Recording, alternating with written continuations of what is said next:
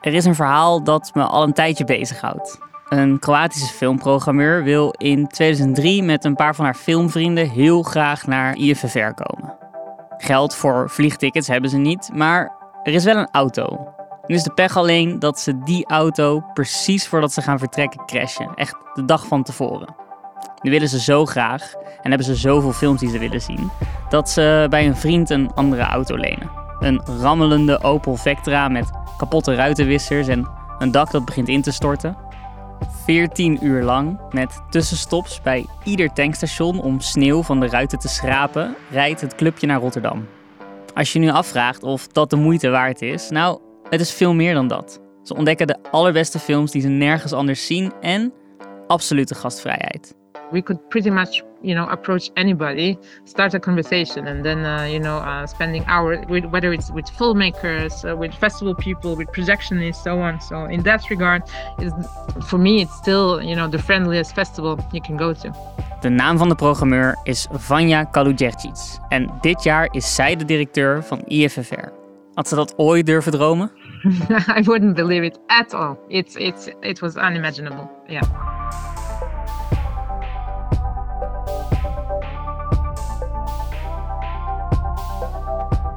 Welkom bij Tijgers en Cowboys, een podcast over 50 jaar geschiedenis van het grootste filmfestival van Nederland, International Filmfestival Rotterdam. Mijn naam is Cesar Majorana, ik ben filmjournalist voor VPRO Cinema en in deze derde aflevering wil ik uitzoeken hoe dat zit met dat imago van IFFR als ontmoetingsplek. Want elk filmfestival is natuurlijk per definitie een plek waar makers, publiek en pers elkaar treffen. Maar IFFR is anders. Zeker als je het vergelijkt met bijvoorbeeld Cannes of Venetië. In Rotterdam stap je heel makkelijk af op mensen die je bewondert. Je doet het na een screening bijvoorbeeld, in een speciaal gebouwd hotel waar ik je straks over vertel. Of, en dat is het eerste verhaal dat ik deze aflevering wil delen, op een boot. Het is 1980. En een 27-jarige Jim Jarmusch, de Amerikaanse cultregisseur die later films zou maken als Deadman, Broken Flowers en die ene film over een buschauffeur die dichter is, Patterson, is met zijn debuutfilm Permanent Vacation op IFFR. Hij had toen al dat iconische witte haar. Het is een beetje Einsteins kapsel, maar dan beter geknipt. Hij is op zoek naar de beste cameraman waar hij ooit van heeft gehoord. De Nederlandse Robbie Muller. En wat volgt is inmiddels een klassieke anekdote. Ze ontmoeten elkaar in de Rotterdamse haven op een boot naast een pindaautomaat. Robbie is niet meer onder ons. Hij overleed drie jaar geleden en Jim Jarmusch is druk, maar gelukkig is er nog iemand die ik naar dit verhaal kan vragen. De vrouw van Robbie, Andrea Muller-Schirmer. Hallo, ik heet Cesar. Zal ik, kan ik dit even aan je overhemelen zo? Ja. Wat lief, dankjewel. Hallo, jij, ik, ik, ik geef jou nu een camerastatief, maar ik besef me natuurlijk dat dat niet vreemd is voor jou om te dragen misschien. Ik heb met Andrea afgesproken bij haar thuis. En het is precies wat je je voorstelt van het huis waar de Master of Light, zoals Robbie genoemd wordt, zijn leven met haar deelde. Overal schijnt hier licht binnen. Vanuit de grote ramen kijk je uit op de Amsterdamse Prinsengracht. Ik herken het van Robbie's Polaroid-foto's uit deze tijd. Zie, wat is dit? Ik weet ook niet meer precies wat er allemaal in zit. Ik pak het even uit.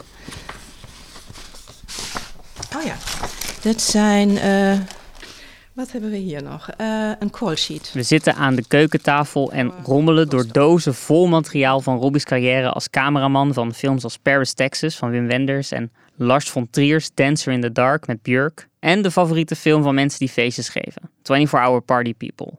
Alles ligt hier. Hele scripts, tekeningen van locaties, promomateriaal en rode loperkaartjes.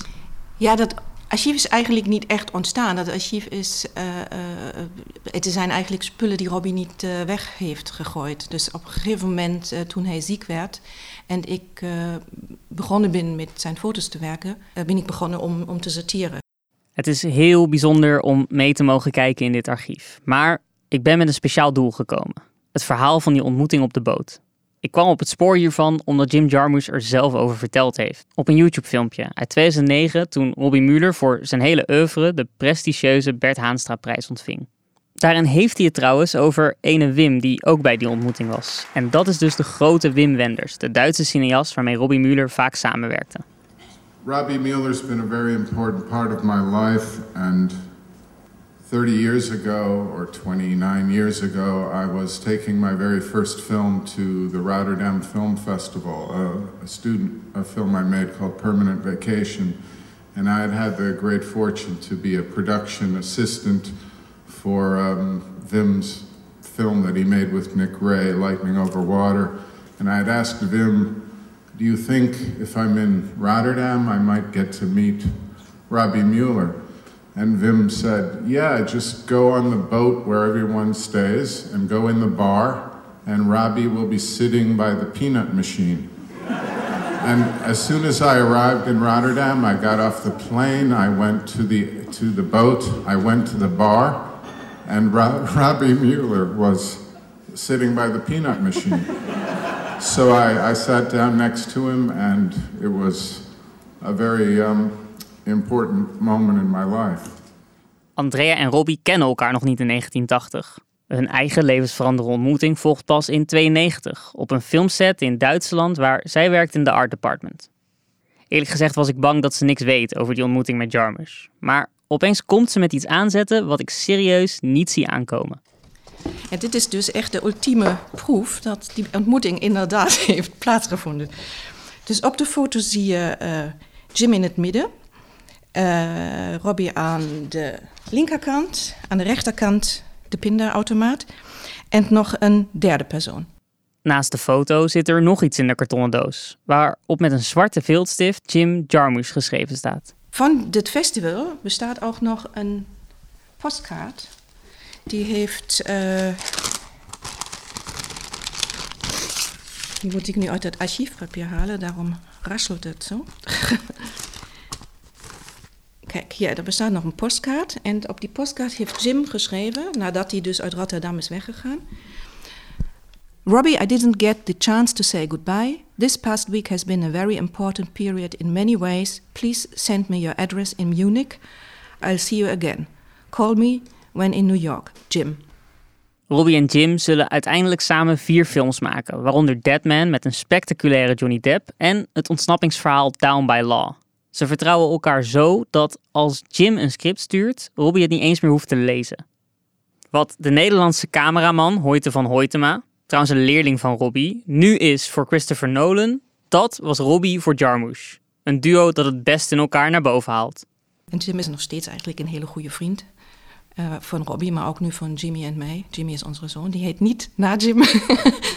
die heet eigenlijk eerder naar Jimi Hendrix. Maar uh, veel mensen denken dat we hem Jim hebben, Jimmy hebben genoemd vanwege Jim Jarmusch. Maar dat is niet zo. Andrea is nog altijd druk bezig met de enorme nalatenschap van haar man. Zo verschijnt er binnenkort een boek met Polaroids van Robbie. En dan is er ook nog een filmprijs die zijn naam draagt. Sinds 2020 uh, hebben we die Robbie Muller Award. Bij het, uh, het is een samenwerking van Filmfestival Rotterdam en um, de Nederlandse Cameravereniging en mij. En we zijn dus zes juryleden. Dus elke partij, om het maar zo te noemen, die, die levert twee juryleden. Dus één, um, twee mensen van IFFR, twee, mensen, twee cameramensen en twee uit Robbie's netwerk. Daarvan ben ik één. En uh, iemand die met Robbie's werk goed kent. Op dit moment is het een editor die heeft uh, met, uh, van Jim Jarmusch, die heeft Deadman geëdit en Mystery Train. De prijs gaat jaarlijks naar een beeldmaker die in de geest van Robbie een authentieke, geloofwaardige en aangrijpende beeldtaal heeft ontwikkeld. De winnaar dit jaar was de Amerikaanse regisseur Kelly Reichardt, die je al kort in de intro bij aflevering 2 hoorde. Speciaal voor de uitreiking stuurde Jim Jarmusch een videoboodschap. Hello to everyone. and my very special regards to everyone involved in the International Film Festival in Rotterdam. It's a festival very close to my heart for many reasons, uh, supporting my work for many years. It's also the place where I first met in 1980 uh, Robbie Mueller, who had a huge impact on my work and my life and will continue to as, as long as I live and as long as I make films. Um, he's very close to me in my heart. We kennen in de wereldgeschiedenis grote regisseurs, acteurs, actrices, maar cameramensen als Robbie maken films echt onvergetelijk. En hun persoonlijke band met een regisseur is daarbij essentieel. In een korte docu van Isabella Frank uit 2002 vertelde Robbie over zijn samenwerking met Jarmusch. Mainly, my connection is with a director who I trust and who trusts me. I saw um, Permanent Vacation and then Stranger Than Paradise. And I was happy, uh, surprised that he wanted to have me. But I asked him why he changed cameraman because he had one, an extremely good one before, Tom DeSillo, who I respect very much as cameraman and as, and as director. But Tom DeSillo went another direction in his life at that time, I think. So he asked me to come. And also that, because you're also honored by, by the whole thought behind it, that if that it was, I was more or less maybe cast or so, like uh, the actors. And it was a real important part of the whole. The thing is, I trusted him very much, so I didn't have to find out who he was. So, and he never had a second agenda, so I knew that what he was saying was true. And he had, he was not afraid to show his own incertitudes. Er zijn waarschijnlijk honderd verhalen die ik kan vertellen over belangrijke ontmoetingen op IFFR. Elk jaar knopen mensen gesprekken aan met een nieuwe cameraman of producent. En allemaal hopen ze dat hun ontmoeting klassieke films zal opleveren, zoals Down by Law of Dead Man. Werk van Jim en Robbie dat behoort tot het kanon van films die je gezien moet hebben voor je dood. En het zijn ook precies dit soort verhalen die beginnen op een boot naast een pindaautomaat, die het imago van het festival als ontmoetingsplek dubbel en dwars waarmaken.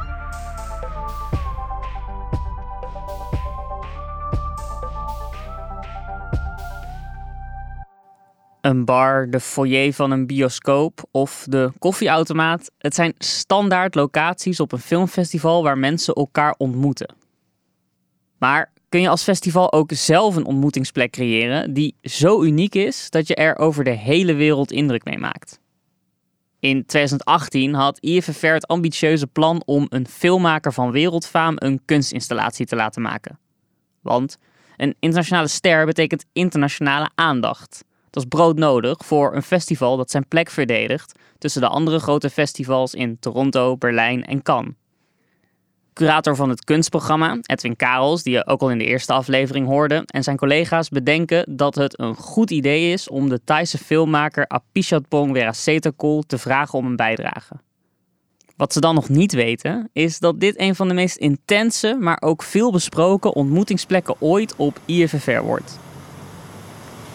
อุ่นไอรักไม่เลือนรางไม่อ้างว้างเลยคนดี กี่การผ่านไปเยื่อไมตรี ดวงฤดี ยังเอิบอิ่มอบอุ่น Je hoort nu de langzame soundtrack van zijn film Cemetery of Splendor. Een film over een slaapziekte die dromen werkelijkheid maakt. Regisseur Apichatpong Weerasethakul, mensen mogen Joe zeggen, hoort al sinds zijn eerste films bij de familie van IFFR. Hij won hier eerder prijzen dan in Cannes en is uitgegroeid tot een van de grootste namen van de cinema met hoofdletter C. Nu wint hij prijzen voor zijn hele oeuvre en studeren mensen af met analyses van zijn werk. Het zijn films die je meenemen naar verstilde werelden, waarin alles droom en werkelijkheid tegelijk is. Wanneer het IFFR contact legt met de mensen van Weerasethakul, komt het volgende bericht. Het waren twee zinnetjes eigenlijk van uh, Apichatpong. Van ik wil iets doen met uh, slapende mensen in een hotel, uh, een echt hotel, waar echt gelogeerd wordt, maar waar ook permanent uh, filmprojecties. Dat is een soort fixatie, een idee wat hij had, nog nooit had kunnen realiseren. De droom van deze filmmaker is precies geflipt en bijzonder genoeg dat ze in Rotterdam denken: dat kunnen we maken. En dan wordt het onvergetelijk. En zo beginnen de mensen die normaal een festival opzetten een tijdelijk hotel te bouwen. Wat voor hotel gaat dit worden? Nou, dat weet de filmmaker best. Je moet als bezoeker in een staat tussen slapen en filmkijken worden gebracht op deze plek. En daar is een groot projectiescherm voor nodig. Hij zei: Ik wil projectie non-stop, maar niet in loop. Want als het een loop is, dan heb je een installatie, dan weet je na vijf minuten of na een half uur, ik heb het gezien, ik kan verder. Hij wou dus eigenlijk een metafoor van, je stapt nooit twee keer in dezelfde rivier. Elke bezoeker, elke slaper, ieder die wakker wordt, wordt wakker met een ander beeld, met een uniek beeld. Mooie gedachten. Hij wou niet zijn eigen films uh, daarvoor inzetten. Dus het is geen uh, Apichatpong retrospectief show. Nee, we zijn in Nederland, zegt hij, wat ik wil is beelden van slapende mensen, beelden van slapende dieren, beelden van water en van boten. Want het is Rotterdam en jullie hebben AI en jullie hebben beeld en geluid. Dat moet toch wel lukken om archiefbeelden te vinden. Oké, snel antwoorden. Hoeveel beelden van slapende dieren in Nederlandse films ken je? Ja, ik ken er geen één eigenlijk. En zeker niet genoeg om vijf dagen en nachten lang een scherm te vullen op zo'n manier dat geen enkel beeld twee keer voorbij komt. Dan moet je meer dan 120 uur film hebben. Dat is niet de enige eis van de filmmaker uit Thailand. Oh ja, hij had nog wel een bijkomend vraagje, verzoekje.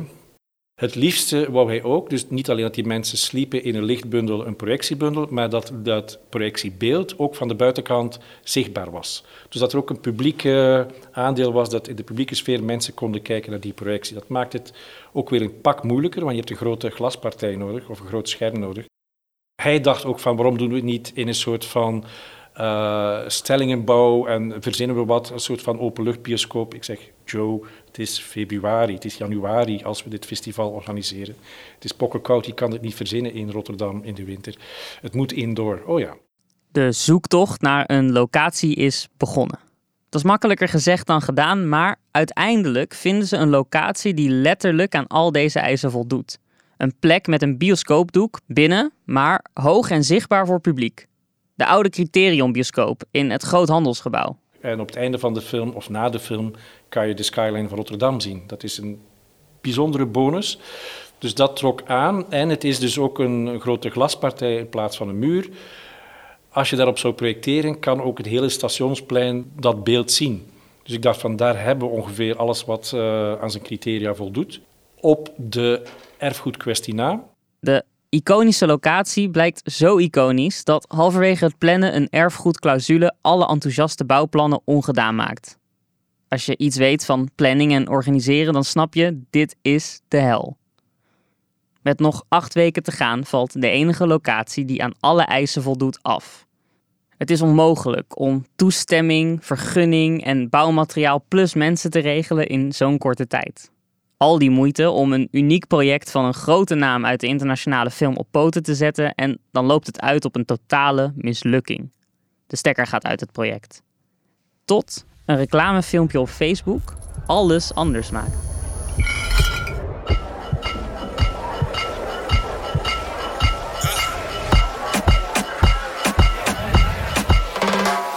De plek waar een groot rummerk een feestje had, het WTC Beursgebouw, is precies de plek in de hoogte met een groot raam en genoeg ruimte om er een hotel te bouwen. Na dat filmpje gaan de dingen snel. Er komt een nieuw persoon bij het project kijken. Ze vinden iemand die onder extreem hoge druk het aandurft om de droom van Joe te verwezenlijken. Dat is Danielle van der Kooi. Zij is ruimtelijk ontwerper. Mensen bellen haar als er een ruimte gebouwd en ontworpen moet worden die nog niet bestaat. Ik denk het bekendste waar ik aan mee heb gewerkt is het programma Wie is de Mol. En daar maak ik sinds acht jaar de opdrachten op locatie. Dat kan zijn, we zijn in een kloof met een riviertje er doorheen. En de regisseur zegt, ik wil hier heel graag een vlot. En brandende fakkels en uh, dingen met sloten aan de zijkant die losgemaakt moeten worden... waar sleuteltjes in zitten die weer onder het vlot hangen. En Verder weet ik het niet precies, maar dit is ongeveer wat ik wil. Succes. Het moet maandag af. Haar ervaring in de snelkookpan van de televisiewereld is handig, want het project is in een kritieke fase. Er zijn vijf weken bouwtijd waarin Danielle en haar team een klein wonder moeten verrichten. En er ligt een serieuze lijst met eisen klaar. In dit geval had het meerdere eisen natuurlijk, want het konden geen kamers worden met muren, omdat je het filmbeeld moest kunnen zien. En aangezien Apachapong uit Thailand komt, wilde ik iets met klamboes gaan doen, waar het licht doorheen zou komen, maar waar je toch een beetje een wandidee kon krijgen. Het was heel belangrijk om met alle stoffen die we toevoegden, het beddengoed, alle details, de lampjes, de nachtkastjes, ehm, om daar een gevoel van luxe in te krijgen. Dus we hebben bij iedereen een uh, kussensloop laten maken met in gouden letters of in donkerblauwe letters Sleep Cinema Hotel. We hebben pantoffels laten maken met het logo erop. We hebben voor luxe beddengoed gekozen, zodat mensen echt zich verwend voelden als ze in bed stapten. Wanneer het ontwerp al helemaal af is, gebeurt er iets wat te verwachten viel. Een check van de brandweer op dit gesjeesde plan zet de boel op scherp. Op de dag dat de brandweer de laatste tekeningen zag, kregen we wel te horen dat de laddertjes die we hadden bedacht niet mochten. Dat die niet veilig genoeg waren. Dat mensen niet in het donker van een laddertje van twee meter af mochten. Maar dat dat een officiële trap moest zijn met een leuning. Een bepaald aantal centimeter breed. Treden moesten aan eisen voldoen. Um, dus dat is het enige wat wij volgens mij hebben toegegeven op het concept, is dat we deze trappen hebben ingebouwd, omdat we anders niet open mochten. Dus we moesten gaan denken in materialen die al bestonden in Nederland en een bedrijf vinden die dat voor ons kon bouwen, snel en stevig en volgens alle voorschriften die in Nederland gelden. Na dagen en nachten doorwerken, designen, bouwen en herbouwen is vlak voor de deadline het hotel af. Maar wat vindt de filmmaker zelf? Volgens mij kwam hij in de avond op de derde dag van bouwen. En dat wisten we van tevoren. Het was niet mogelijk voor hem om eerder te komen. Maar dat was wel heel spannend voor allebei, omdat hij eigenlijk niks meer aan de constructie kon veranderen. En ik kon ook niet meer iets regelen, want volgens mij moesten we na vijf dagen bouwen open. Uh, het was Joe is een ontzettend vriendelijke man. Heel rustig, heel bedeesd. Kijkt de ruimte rond. Uh, is bijna een, een, soort monnik als hij binnenkomt. Uh, totaal anders dan regisseurs die ik gewend ben of producenten die binnenkomen lopen gestrest. Hij had geen stress. Hij was denk ik onder de indruk van wat er stond en dat het al zo ver was en dat zijn Sleep Cinema Hotel eindelijk vorm had gekregen. Maar aangezien hij uit Thailand komt, wist ik niet zeker of hij echt uh, overal mee eens was of dat hij zijn mening niet durfde te geven of zoals het cultureel vaak bepaald is, dat je niet zegt, je zegt geen nee en je zegt niet direct dat je het niet goed vindt. Dus ik zat steeds te wachten op wanneer krijg ik tussen de regels door te horen wat hij niet goed vindt. En dat kwam niet. Uh, net na het festival kregen we een e-mail van Joe. Uh, Dear everyone, I'm on my way to Thailand right now after a gig in Vilnius. I am so grateful, and grateful in hoofdletters, to have the Sleep Cinema Hotel been taken care of by you. Thanks so much for sharing the files, for the good memories. I dream of different settings in the jungle, for example. Over there, I don't think we need a soundtrack. I hope you have a great rest of the IFFR or enjoy whatever task moments you are doing. Please keep in touch. If you find yourself in Chiang Mai, Thailand, you have a home there. Big hugs, Joe Appichapong. Dat, dat is toch fantastisch als iemand je dat mailt. Maar hij was ook echt heel erg blij met dat het er stond. En ik ben ook nog steeds heel erg blij met dat we dit gemaakt hebben. Het is een van mijn favoriete dingen die ik heb gebouwd, die ik heb bedacht. En nou, ja, het was echt om het woord droom er maar weer in te gooien, een droom om te doen. Ik ben best benieuwd geworden naar het effect dat dit experimentele hotel op bezoekers had. Ik bel Emma van Hille, die er geslapen heeft.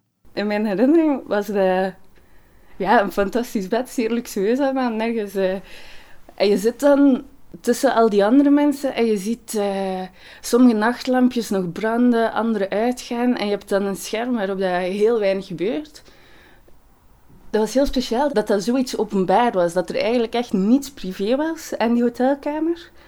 Maar dat was heel synchroon met hoe dat je anders in de cinema zit. Dan zit je ook zo allemaal met, ja, dicht bij elkaar, naar, in het donker, naar hetzelfde scherm te kijken. En dat geeft zoiets... Of ik vind dat als ik gewoon naar de cinema ga, geeft dat ook een soort van vertrouwdheid en een, een band ten opzichte van de andere bezoekers. Een soort intimiteit, die dan nu zoveel verder werd getrokken nog, omdat je daar, omdat je daar moest slapen. Als je nu naar de beelden van Sleep Cinema Hotel kijkt, dan zie je het is magisch. De video's op het ronde filmdoek, gekozen uit het archief van Beeld en Geluid en iFilmmuseum, lijken precies op Apichatpong's eigen werk. Hij staat bekend om films die telkens de speciale ruimte tussen slaap en alertheid beproeven. En die films die waren al een soort slaaphotel. En nu kun je erin staan, liggen of dromen. Sterker nog, je kunt elkaar daar ontmoeten en dat doet een select groepje mensen. Tijdens het ontbijt eten ze gezamenlijk en praten ze over hun dromen. de in 2019 overleden filmmaker Jonas Mekas, zijn Taiwanese collega Tsai Ming Liang en een hele lijst namen die ik uit privacyoverwegingen niet mag noemen, maar geloof me als ik zeg dat dit hotel bijzondere gasten samenbracht. Al vertelt Danielle me dat er uiteindelijk maar 65 overnachtingen waren. Dat deel hebben we uh, uitgebannen aan ons hoofd toen we bezig waren met bouwen. Daar wil je niet over nadenken dat er uiteindelijk maar zo weinig mensen het mogen, er mogen slapen. Heb jij er geslapen? Nee, het was uitverkocht. We hebben het overwogen om de laatste nacht na het bouwen, toen het bijna af was, om daar te gaan slapen.